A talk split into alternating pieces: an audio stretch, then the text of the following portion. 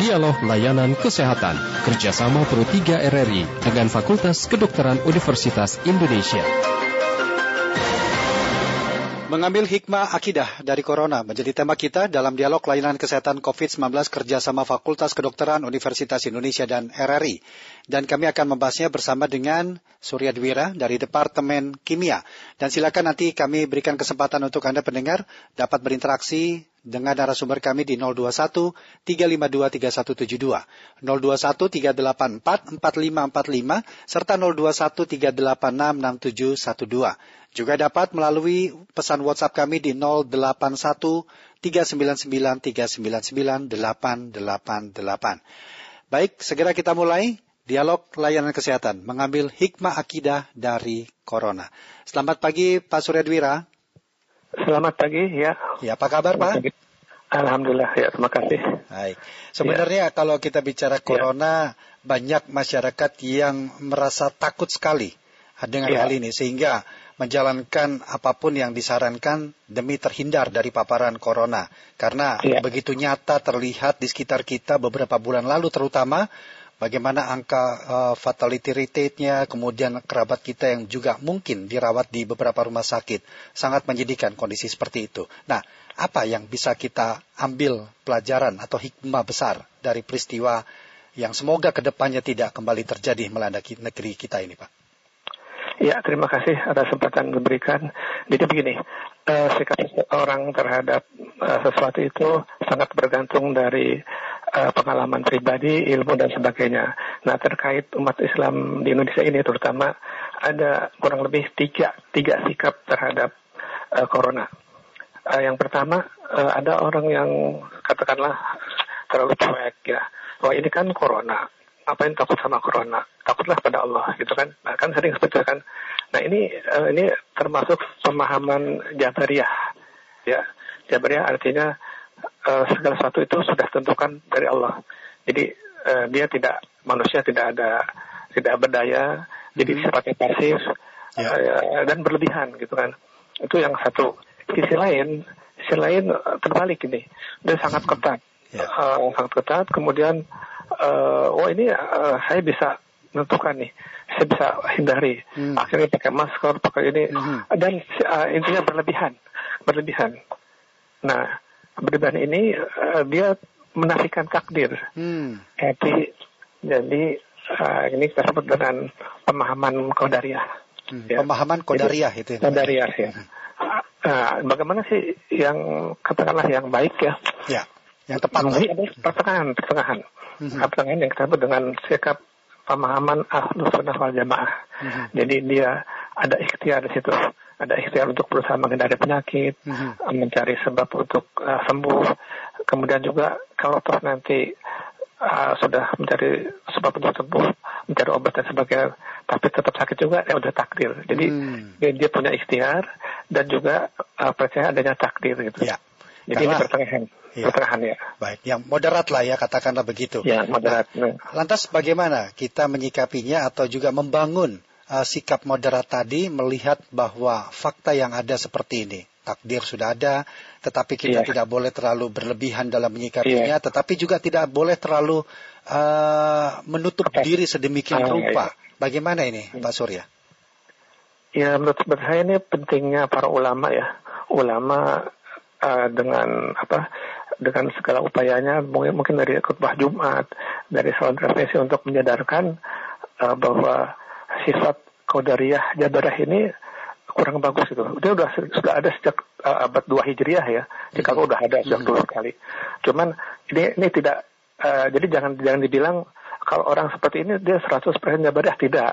Yeah. Jadi jangan jangan menuduh dia sesuatu enggak, tapi dia punya kontaminasi, punya sifat mm-hmm. uh, terpapar lah paham jabriyah atau terpapar qadariyah gitu. Mm. Bisa aja nanti dia udah dapat penerangan terus kembali sadar, kembali moderat lagi. Jadi pentingnya mm. uh, para ulama, pendidik, uh, para ustadz untuk memberikan pemahaman tentunya berdasarkan uh, pengetahuan masing-masing ya. Semakin ya. update pengetahuannya makin bagus lah gitu. Ya. Tapi kalau kita memilih atau bersikap tengah-tengah itu kan tentunya juga uh, bagaimana kita menyikapinya atau berperilaku tidak me, tidak menganggap enteng tetapi juga tidak terlalu uh, takut juga. Nah, Ya. Ketika kita kena seorang seperti itu ter, terpapar COVID-19, masih bisakah mereka akan berada pada sikap yang moderat itu, Pak? Uh, mereka ini siapa Jahabari atau Qadariyah maksudnya? Atau iya. mana? Atau enggak yang yang tengah tadi? Oh ya, kalau yang tengah kan uh, tentunya di, di, dimiliki oleh kita ya, uh, oleh NU Muhammadiyah itu kan al sunnah wal jamaah kan. Ya. Uh, tentunya kalau mereka sifat seorang al sunnah ini kalau terpapar penyakit tentu ya sifat uh, apa ini udah sesuai takdir ya, sudah cobaan hmm. dan sebagainya dan kembali kepada kepada Al-Quran wa Sunnah gitu bahwa seorang yang sakit ini banyak kemungkinannya ya dia bisa pengubur dosa ya kan semakin yeah. dekat kepada Allah uh, dan sebagainya dan penting diingat bahwa ada hadis Muslim hadis uh, Qudsi ya anda ina ana ina abdin zoni aku bersama persangkaan hambaku itu hadis Qudsi jadi artinya kalau persangka hamba itu jelek terhadap Allah ya udah jadi hmm uh, jelek lah gitu kan. Ya. Jadi kita harus positive thinking gitu. Nah itu selanjutnya itu. Ya, artinya tetap berpositif thinking, tetap menyikapi ya. dengan uh, ini kan bicaranya masalah akidah juga ya keimanan ya, kita benar. juga untuk melihat suasana hmm. seperti ini. Nah mungkin ada masukan atau apa yang pandemi juga belum usai. Jangan ya. sampai kita terlena. Itu pun juga hmm. diharapkan tidak atau itu pun juga bukan sikap yang benar kan Pak Surya. Ya, ya. Nah dengan kondisi ya. seperti ini bisa nggak kita menganggap ini cobaan? Oh, dikasih landai dulu bagaimana kita menyikapinya. Tahu-tahu nanti bagaimana seperti itu. Seperti apa? Memanage uh, akidah kita tentunya.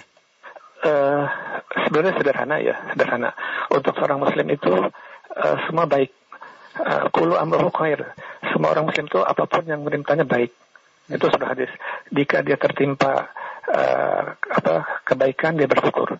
Jika dia keburukan dia bersabar. Dan itu baik baginya.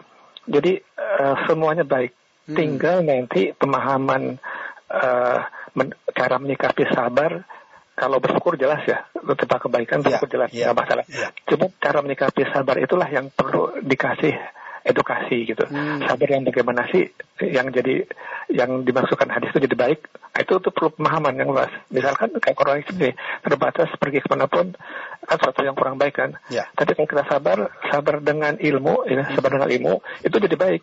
Nah masalahnya di sini uh, bisa gak kita capai keterangan pemahaman uh, supaya yang dimaksud oleh Nabi itu jadi baik gitu. Ya. Nah ini, ini perlu, perlu perlu apa perlu perlu akidah di sini lagi, perlu akidah, perlu teori lagi yang cukup banyak gitu. Kok ya. keburukan jadi baik gimana gitu kan? Nah, ini ya, enggak. Ya. Hmm. Ya artinya apa yang tidak kita bisa menempatkan diri bahwa ini adalah uh, suatu langkah ataupun juga fase ujian untuk kita menuju ke titik yang sabar tadi. Tapi sebelum hmm. dilanjutkan kita terima dulu pendengar ini Pak Surya ya. Jadi ya. Pak Udin di Boyolali. Selamat pagi Pak Udin. Selamat pagi, Assalamualaikum warahmatullahi wabarakatuh. Waalaikumsalam warahmatullahi wabarakatuh. Silakan Pak Udin. Pak Rudi, Bapak Surya, Departemen Kimia. Uh, menurut saya pandemi ini adalah ujian dari Allah Subhanahu wa taala agar masyarakat Indonesia dan seluruh dunia gitu agar lebih mendekatkan diri lagi kepadanya gitu ya dan lebih uh, bersungguh-sungguh lagi dalam uh, berusaha dan memperbaiki diri. Apakah hal tersebut cukup untuk memberi peringatan untuk masyarakat Muslim seluruh Indonesia agar selalu memperbaiki diri. Ini hmm. terima kasih. Assalamualaikum warahmatullahi wabarakatuh. Waalaikumsalam warahmatullahi wabarakatuh. Apakah ini suatu peringatan untuk memperbaiki diri ke depannya dan bagaimana ya konkretnya nih Pak Surya? Silakan. Iya, uh, jelas ya untuk seorang muslim ini kan uh, suatu cobaan ya ujian uh, dia akan kalau dia sabar uh, maka gugurlah dosa-dosanya kalau dia sabar uh, sabar yang bisa ya. mengurangi dosa. Satu. Kedua di surat Ar-Rum juga Allah al fasadu fil bari di sabar idina setelah nampak kerusakan daratan-daratan karena akibat uh, ulah tangan manusia termasuk dari kan penyakit dan sebagainya. Hmm. jadi penyakit itu karena dosa manusia. Jadi uh, karena dosa yang terjadi itu maka dibalas penyakit sehingga uh, kita jadi sadar dan hapuslah dosanya. Sehingga ya sederhana aja tadi seperti dari Pak Boyolid bilang ya kita sabar kembali koreksi diri ya kan introspeksi hmm. kemudian kembali ke jalan yang lurus itu hmm. nah masalahnya eh, bisa nggak manusia ini untuk kontemplasi sampai tahu wah salahnya di sini nih gitu hmm. bisa atau nggak gitu ini kan tergantung manusia juga kan tergantung manusia tergantung pendidikan dan sebagainya tergantung dosa juga semakin banyak dosa semakin susah dia yeah. semakin hatinya itu makin susah juga koreksi diri nanti yeah. jadi perlu perlu apa ya uh, perlu uh, kembali untuk mensucikan hati sehingga tahu oh saya salah di sini. Saya seorang pimpin salah di sini saya kembali lurus. Masyarakat salah sini lurus dan sebagainya. Jadi itu itu peringatan ya. Peringatan untuk kembali yang lurus. Itu benar ya. ya artinya kita bisa tidak menjadikan berarti ini menjadikan momentum bagi kita untuk belajar berintrospeksi diri terhadap diri kita apa yang tidak? Oh iya jelas. Hmm. jelas karena yang namanya uh, duri skill apa pun itu kan uh, buat orang muslim kan menggunakan dosa kan ya tentunya dia kembali kembali kembali uh, untuk introspeksi dan kembali ke jalan yang lurus itu.